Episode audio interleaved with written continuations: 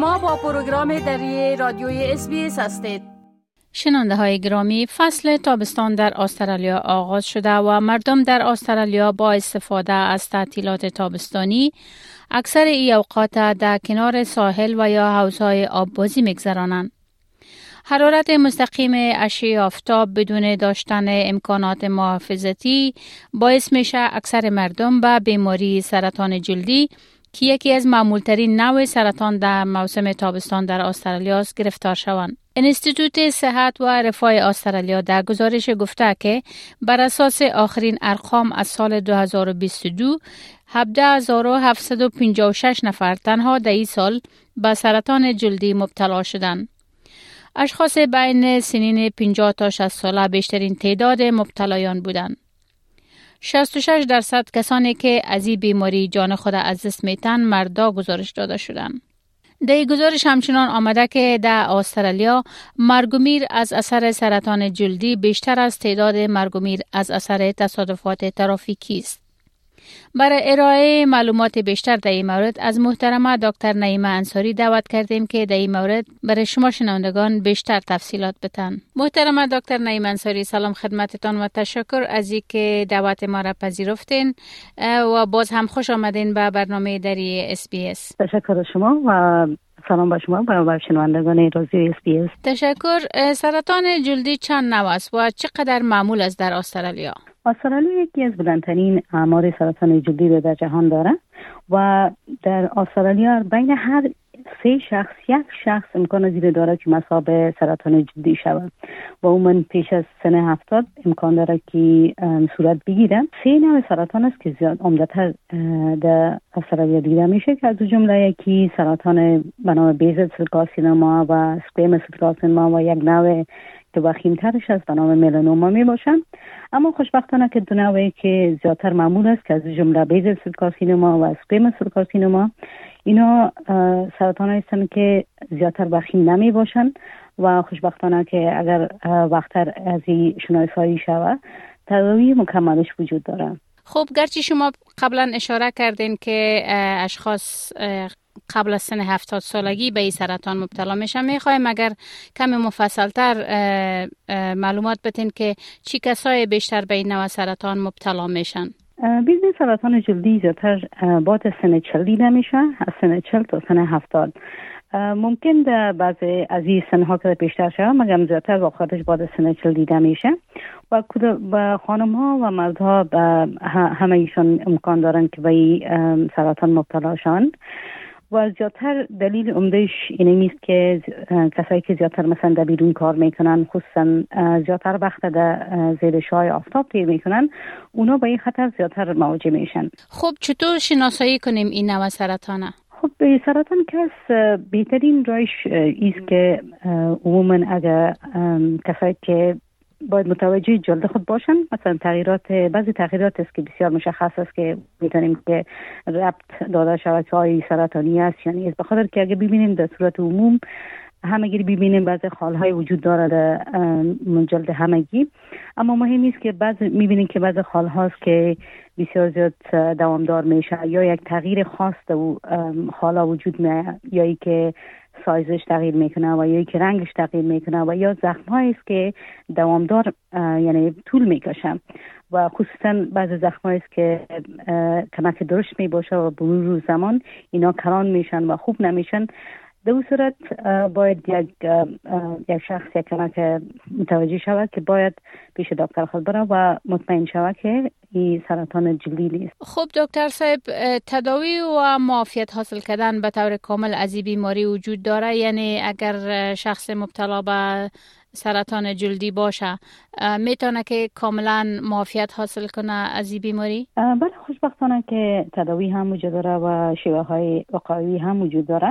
اما می‌خوام یادآور شم که علت عمده مصاب شدن به سرطان جلدی شای آفتاب می باشه و به می خاطر کسایی که زیادتر بیرون کار می‌کنن زیر شای آفتاب و وقت یعنی ساعت های زیادتر کار می‌کنن خصوصا فعلا چون وقت وقت است که رخصتی مکتب است و همه می‌خواین که برن بیرون خصوصا در لب بیچ و همگی تفریح میرن.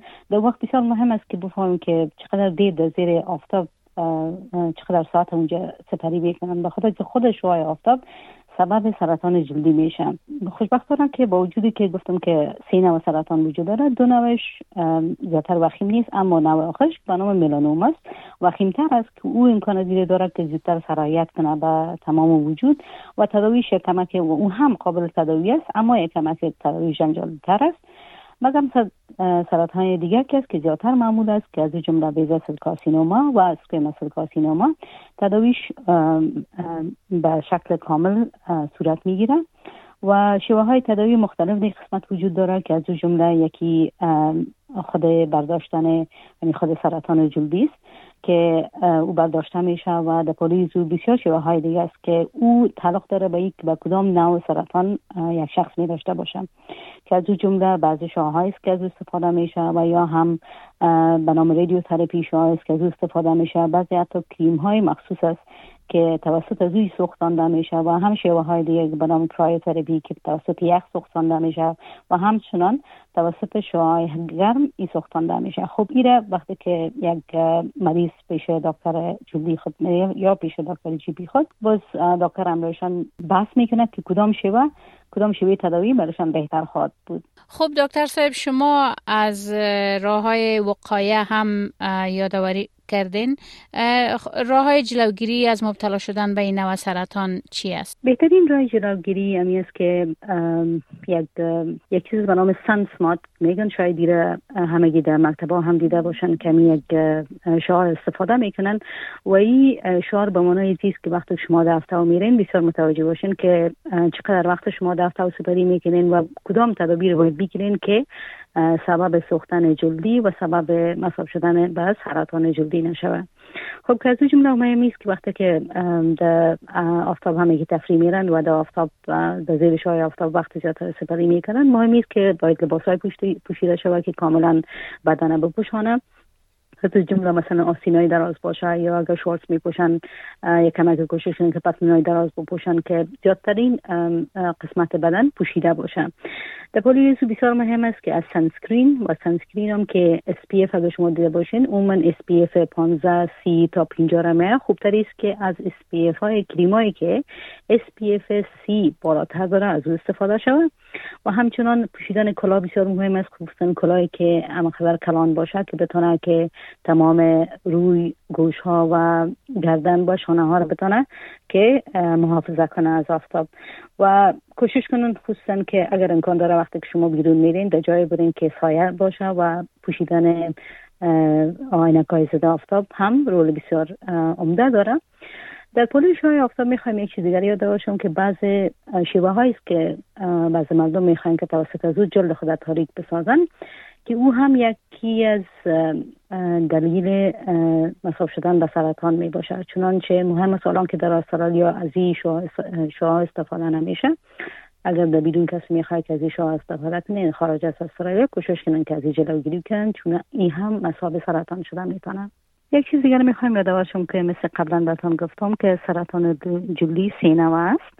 خوشبختانه دو نوش که زیادتر معمول است اینا خطرناک نمی باشند با اینا بعضی به قسم یک خالهای در وجود پیدا میشن که با مرور زمان ممکن ماها و سالها را در بر بگیره که سایزش کلانتر شوه یا ای که نشر کنه. اما خوشبختانه کمی دو نوش دو نوش که سکویمس کارسینوما و بیزس کارسینوما اینا زود سراحیت نمی‌کنه. از این خاطر سرطان نیست که خطرناک باشه. اما خطرناک ترینش که است به نام ملانوم است که ملانوما خوشبختانه آنقدر معمول نیست. اما اگر ملانوما تشخیص میشه خب یک کم که یک کم خطرناکتر است. چون ای می‌تونه که بسیار به زودی سرایت کنه. پس بسیار مهم است که همگی کوشش کنن که متوجه جلد خود باشن و اگر کدام چیز است که اینا را کمک شکی می‌سازن بهترین روشی است که هر چیز زودتر به دکتر فامیلی خود مراجعه کنن و دکتر فامیلی اگر ضرورتش بود ممکن شما را به یک متخصص روان کنه. تداوی بر وقتش بهترین رای است که از وخیم شدن سرطان خصوصا ملانوما جلوگیری شود بسیار زیاد تشکر از شما محترم دکتر نعیم انصاری از معلوماتی که ارائه کردین. براتان روز خوش می‌خوایم. تشکر از شما. بپسندید شریک سازید و نظر دهید. اسپیس دری را در فیسبوک تعقیب کنید.